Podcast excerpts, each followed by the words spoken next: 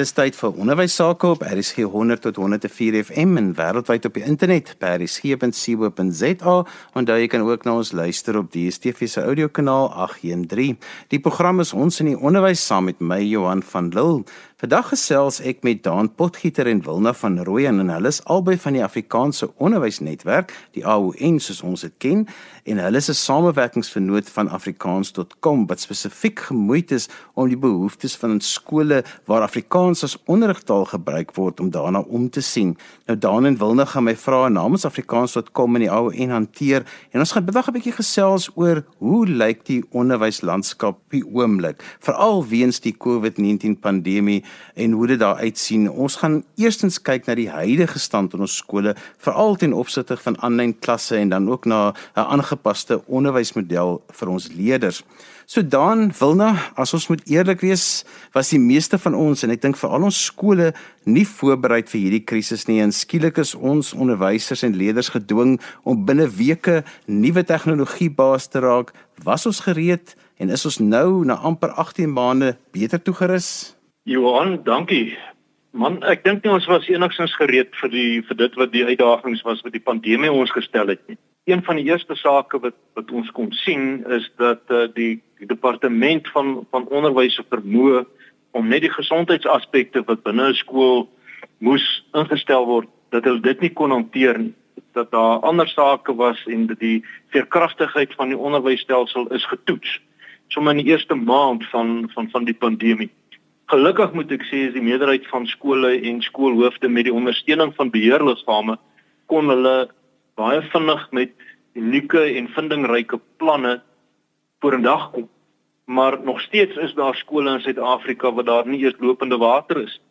So die vraag of was ons gereed vir die pandemie? Ek dink in 'n groot mate is daar nog steeds skole wat steeds nie gereed is vir die uitdagings wat die pandemie ons kan stel nie ongelukkig is dit so dat die die onderwysers en die op alle vlakke en onderwys op alle vlakke maar gewoond is daaraan om na lineêre oplossings en lineêre siening te hê oor onderwys. En voor dit ook nie verander nie, sal ons nie die voorbereiding kan doen vir die verdere uitdagings wat hierdie pandemie ons stel nie. Wil nou want vir my voel dit asof voorskoolse onderwys die hardste getref is van almal wat betrokke is by onderwys en alle kinders want vir hulle het hierdie gaping die tussen die skool en wat hulle ontwikkeling betref amper die hardste getref en die langste geduur. Ja Johan, die ongeluk was dat die die kleuterskole moes toemaak. Dit was die eerste oplossing vir die de, departement van maatskaplike ontwikkeling hulle het toe gebly.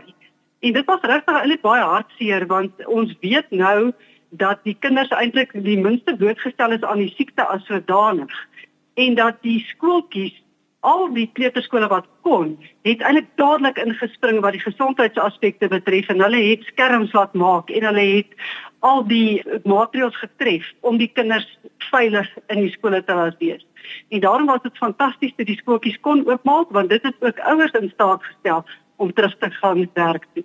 En ek dink in die vervolg sal die skooltjies dalk minder maklik toemaak. Wil nou wat ek wil graag vra oor wat is die impak wat julle dink en voorspel dit op ons kinders gaan hê wat betref hulle lees en wiskunde, hulle bemeestering van tale, net so in kort?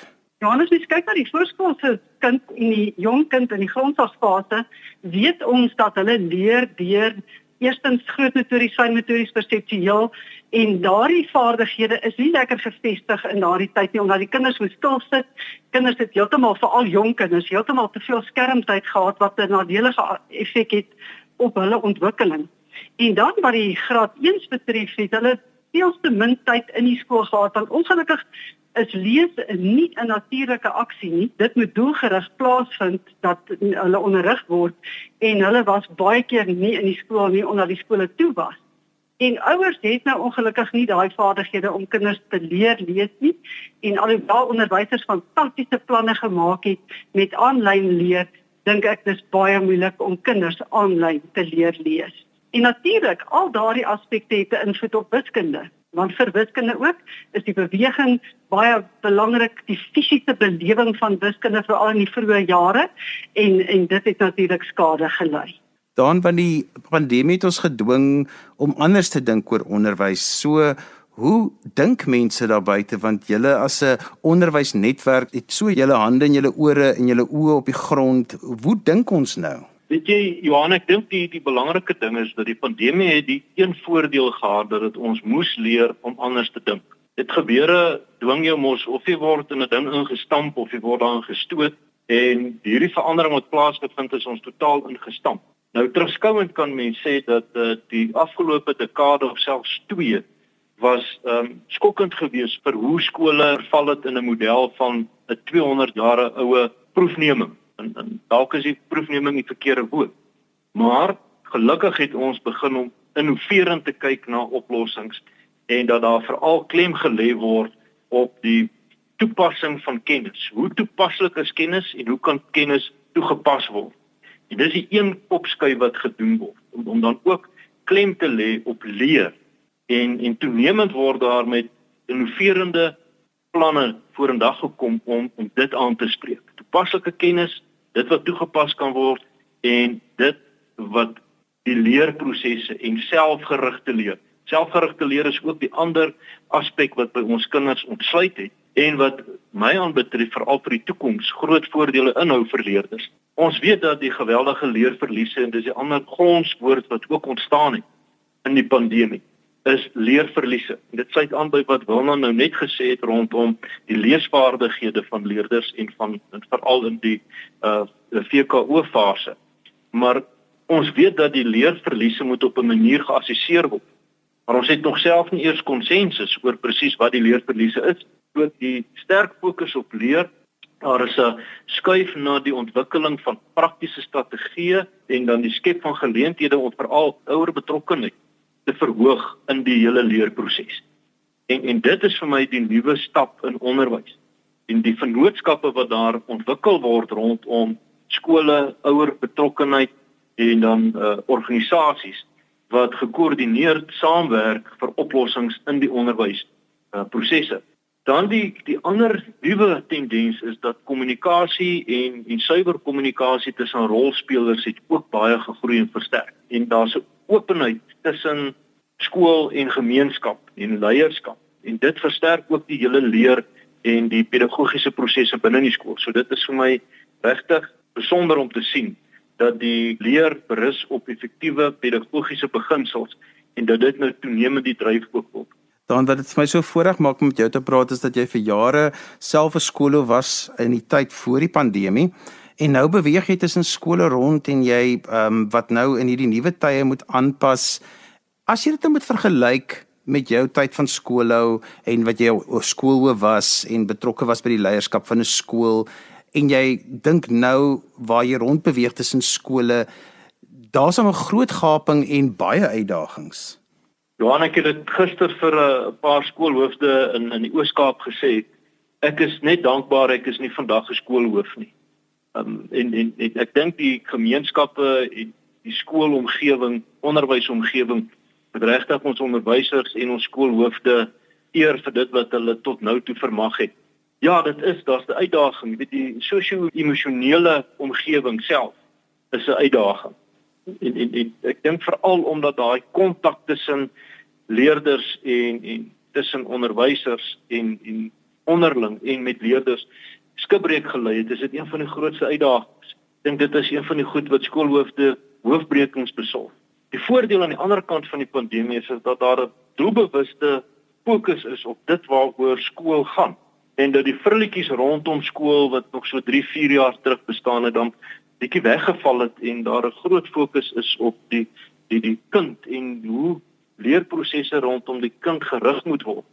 Ek en ek sê dit om omdat ek nou self weet hoe hoe maklike mense as skoolhoof kan verval in in goed wat nie noodwendig in die klaskamer impak het ons ons is dalk meer bekommerd oor oor die nuwe cricketnet of die koorbankies wat aangekoop moet word. En en gelukkig aan die een kant het dit ons weer 'n fokus gegee op die belangrike en die kern van skool, maar aan die ander kant is die veral die buitekurrikulêre aksies waar daar 'n tekort aan is en waar daar kinders is wat smag daarna om dan ook daai blootstelling te kry.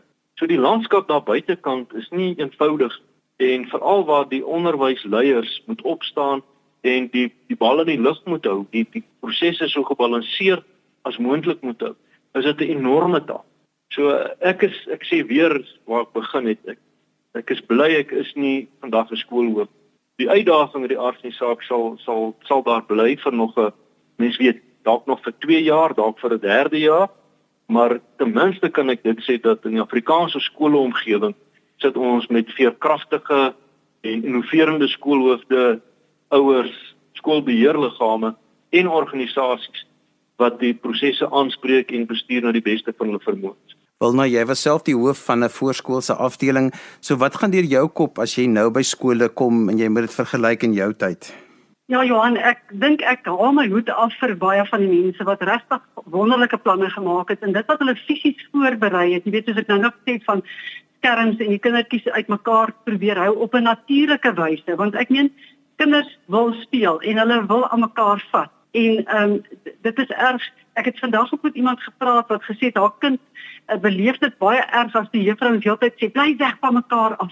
Julle mag nie naby mekaar wees nie. En ek het gedink 'n mens kan daar ook 'n paar planne maak wat ek ook gesien het sommige mense doen om dalk net 'n 'n groot gesig met 'n masker en uh, op 'n stok te sit en net net so nou en dan op te lig. Laat die kinders net onthou weet hulle wat ons moet 'n bietjie afstand hou, maar sonder dat hulle oorbewus gemaak word daarvan. Maar ek wil regtig vir jou sê die mense is veerkragtig. Hulle het fantastiese planne gemaak. Hulle het afsonderlike speelplekke vir die kinders gemaak en ek dink ons kan by mekaar leer. Ehm um, wat die grondslagfase betref, is ek 'n bietjie bekommerd ek hoor by die juffrouens dat daar verskriklik klem geplaas word op skryfwerk. Die departement verwag hulle moet 'n lot skryfwerk doen en hulle voel dit is wat die kinders nou die hele dag doen, is skryf, skryf, skryf en hulle kry nie eintlik tyd om te onderrig nie. Ek sou regtig gepleidooi lewer dat daar aandag gefestig word daarop in die grondslagfase en vroeë kinderontwikkelingsfase dat die kinders fisies moet tyd kry om te leer om in te oefen dit wat hulle leer en dat die onderwysers regtig tyd kry om te onderrig dat dit nie net uh, uh, daar is om goeders in boeke te kry uh, wat as bewys gelewer kan word van die werk wat gedoen is nie. Maar ja, om terug te kom na dit wat die mense doen, ek dink daar word geleenthede geskep en en veral nou, ek dink ons het lesse geleer, het planne gemaak om die kinders aan die beweeg en aan die speel op die regte areas te hê. Maar dit is nie oral so nie. Mens kom by plekke ook waar die arme voorskoolse kind op een plek moet sit vir die hele dag. En natuurlik is dit veroorsaak dit dat daar geen ontwikkeling plaasvind nie en daardie kinders gedui regtig nie. So ons moet kyk na die hele stelsel in die hele land want daar is groot verskille. Dan ons is um, besig om klas te gee aanlyn wat ons 2 jaar terug gedink het ons nooit sal doen nie. Mense ontwikkel kurrikulums, uh, onderwysers werk lang ure. Wat is daardie impak op die oomblik? Wat tel julle op by die skole en hoe gaan dit met ons onderwysers wat dit betref? Ja, ons onderwysers uh, wil ek sê is al so 'n dubbelskof ingedeel.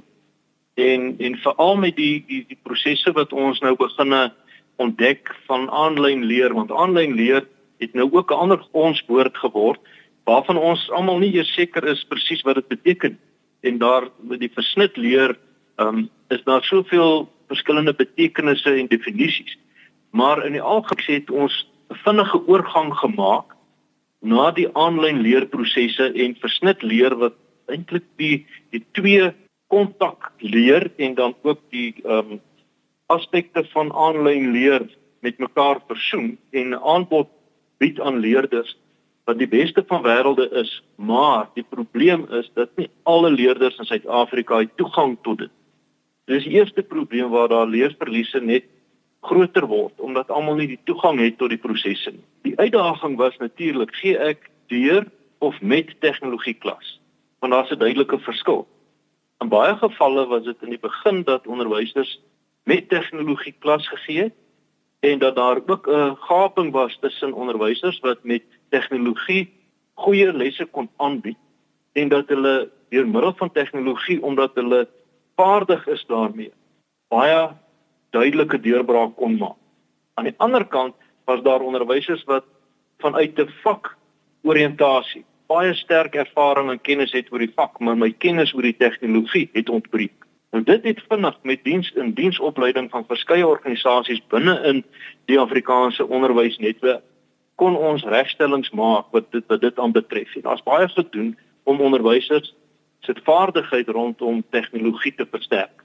Die uitdaging bly natuurlik hoe om dan daai kontak onderrig te versoen met 'n uh, 'n proses wat jy maar swaar steen op ehm um, die tegnologie en dat ehm um, jy verskillende benaderings moet hê en dat dit 'n weldeurdagte plan moet wees om leer te te fasiliteer.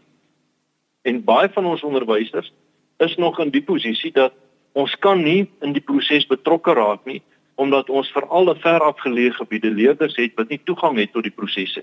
Onderwysers het die aard van die saak omdat hulle gedrewe is en die kontak met die kind na smag word hierdie prosesse al hoe moeiliker. En en en ons wil graag hê dat uh, daar van veral van die onderwysdepartement se kant groter fokus geplaas moet word en ondersteuning gebied moet word maar ons het nie in die stadium die antwoord vir spesifiek hoe dit moet gebeur. So dit is regtig 'n kwessie van ons het besef dat uh selfgerigte leer kan die leeruitkomste baie verbeter. Ons het ook besef dat uh die toegang tot tegnologie kan 'n gaping skep en dat uh ondergehalte is baie belangriker as hoe lesse aangebied of verpak word. En met dit in hand en soos wat ons deur die COVID en hierdie pandemie beweeg het, kan mens sien dat die kwaliteit van dit wat aangebied word met aanlyn prosesse toenemend verbeter en dat daar duidelike lesse geleer So ons onderwysers is uitgelewer omdat dit natuurlik 'n sprong was vir die 80% van onderwysers wat tradisioneel in die kontakprosesse geglo het en daarin geskool was. En en dat dit 'n uitdaging is om dit ook aan te pas in jou strategie aan te pas vir die klaskamer maar ons doen uitnemend en en ons onderwysers is voortdurend aan die voorpunt van innovasie en dan ook aan aan blootstelling. En dit kom terug by die ontsluiting ook van vaardighede vir onderwyser en leerder in die klaskamer. En en daai vaardighede soos kreatiewe denke, ons sien dit toenemend dat dit groei, dat innoverende denke, dat kommunikasievaardighede en al die vaardighede versterk word deur dit wat onderwysers op die oomblik ontwikkel en en aanbied in 'n klas. Julle fokus baie sterk by al en op leierskapsontwikkeling. Watter impak het die pandemie daarop gehad en watter aanpassings moes julle maak en hoe ervaar julle daardie aspek nou in die onderwys? Johan, die behoefte van skoolleiers om by mekaar uit te kom en beste van praktyk te deel. Dis 'n gegewe. Dit dit met met reëlmaat hoor ons dat al die aanlyn vergaderings en en dit wat gebeur eintlik op 'n op op 'n deurglas hierdie glas vergaderings en en en die opleidingsgeleenthede daar is heelwat van hulle daar's baie en en en skoolhoofde en skoolleiers woon dit by as jy na 'n seminar of 'n webinar van kyk dan sien daar 7 of selfs 800 deelnemers aan die webinar maar die persoonlike kontak om om om om van aangesig tot aangesig met 'n kollega te sit en oor die onderwys te gesels oor um onderwys sake, oor my personeel, oor die finansiële bestuur van my skool, my buitekurrikulêre program. Dit is 'n groot behoefte. En en deel van leierskapontwikkeling het het reeds as gevolg van dit bietjie agterweer gebly. So ons sit weer met die sosio-emosionele omstandighede wat vir baie skoolleiers en en onderwysleiers 'n geweldige uitdaging bly. Ons het saam met ons netwerk vennote voortdurend inisiatiewe ontwikkel om deur webinare en nog steeds met beperkte kontaksituasies uh, opleiding te gee en en veral in diensopleiding aan onderwysers. So die die vooropleiding en die en in diensopleiding van onderwysleiers bly nog steeds vir ons geweldige fokuspunt. Ek wil veral my hoed afhaal vir vir skoolhoofde en onderwysleiers wat midde in die pandemie aangestel is in 'n bepaalde posisie en dan nor die normale leierskapsvaardighede moes ontwikkel maar ook die bepaalde bestuursvaardighede moes aan aandag gee om in hierdie mistige omgewing te kon oorleef. Ons weet dat dat dat die een ding wat hoofde na smag is, te sê maar maar hoe kan ek aanpas en veerkragtig hou by by aanpassing? Watter vaardighede moet ek doen? Spanwerk byvoorbeeld. Hey, hoe, hoe kan ek delegasie of die delegering van take volhoubaar met sukses toepas? Hoe kan ek my skoolbestuurspan se vaardighede optimaal benut want elkeen van die skoolbestuurspan bring iets na die tafel toe wat uniek is en met unieke oplossings voor in dag kan kom. En dit bly 'n uitdaging van persoonlike kontak wanneer dit kom by skoolleierskap en onderwysleierskap is eintlik onontbeerlik. En en dit is deel van onderwys. En dat uh vir al die seminare wat wat die afgelope paar jaar in die simposiums wat skade gelei het, uh, kan nie daai tyd inhaal en en ons sien eintlik uit daarna om binne die volgende jaar hopelik weer terug te keer na daai prosesse. Maar maar weer 'n keer, ek dink ons onderwysleierskap en en skoolleierskap het hulle uitnemend van hulle taak gekwyt veral in die Afrikaanse onderwysomgewing. Wilna, ons is aan die einde van vandag se program. Jy het nou so mooi al vroeër gesê dat jy ook soveel bewondering het vir die onderwysers se veerkragtigheid en die manier hoe hulle hierdie tyd hanteer het en hoe hard hulle gewerk het. Kom ons sluit af op 'n positiewe noot en ons gee vir hulle net so 'n boodskap vir inspirasie om net nog weer aan te gaan en asem te skep en te weet op 'n stadium sal dit beter gaan. Ja Johan, ek dink die emosionele sy van die saak moet regtig aandag kry. Jy weet, ehm um, mense vergeet dat die kinders emosioneel gelei het onder hierdie pandemie, maar die onderwysers en die ouers het groot emosionele knoue gekry. En dit is oorgedra aan kinders. Ek wil tog net daar iets sê dat ons moet oppas wat ons aan die kinders oordra wat die emosionele betref. Want ehm um, ek dink as ons onseker is en in vrees lewe, het dit 'n baie negatiewe impak op hulle. Dit wil sê, ek dink ons elkeen, ouers, en onderwysers is dit aan onsself verskuldig en aan ons kinders, ons eie kinders en die kinders in ons skole om aan onsself te werk. Ons ons moet positief dink, positief praat. Positiewe goeders op die internet soek wat ons kan deel met ons mense, ons families en met ons kinders. Leef positief. Laat die vrees in vrede verander.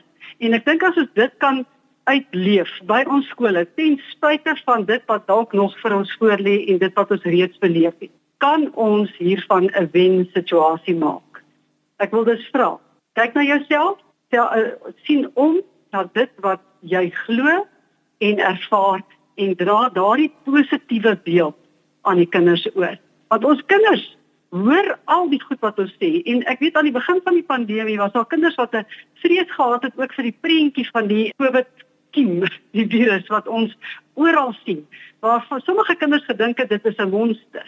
En ons weet nie dat kinders so dink nie. So ons moet met hulle praat op hulle vlak. Nie te veel inligting gee nie, maar ons moet sorg dat almal genoeg inligting het, maar positiewe inligting want ons kan mos hierdie virus oorwin. En daarmee het ons gekom aan die einde van vandag se ons in die onderwys. My twee gaste was Daan Potgieter, hoofuitvoerende beampte van die AON en Wilna van Rooyen, ook betrokke by die AON as vroeë kinderontwikkelingsspesialis. Onthou jy kan weer na vandag se program luister as se potgooi. Laat dit af by resgep.co.za.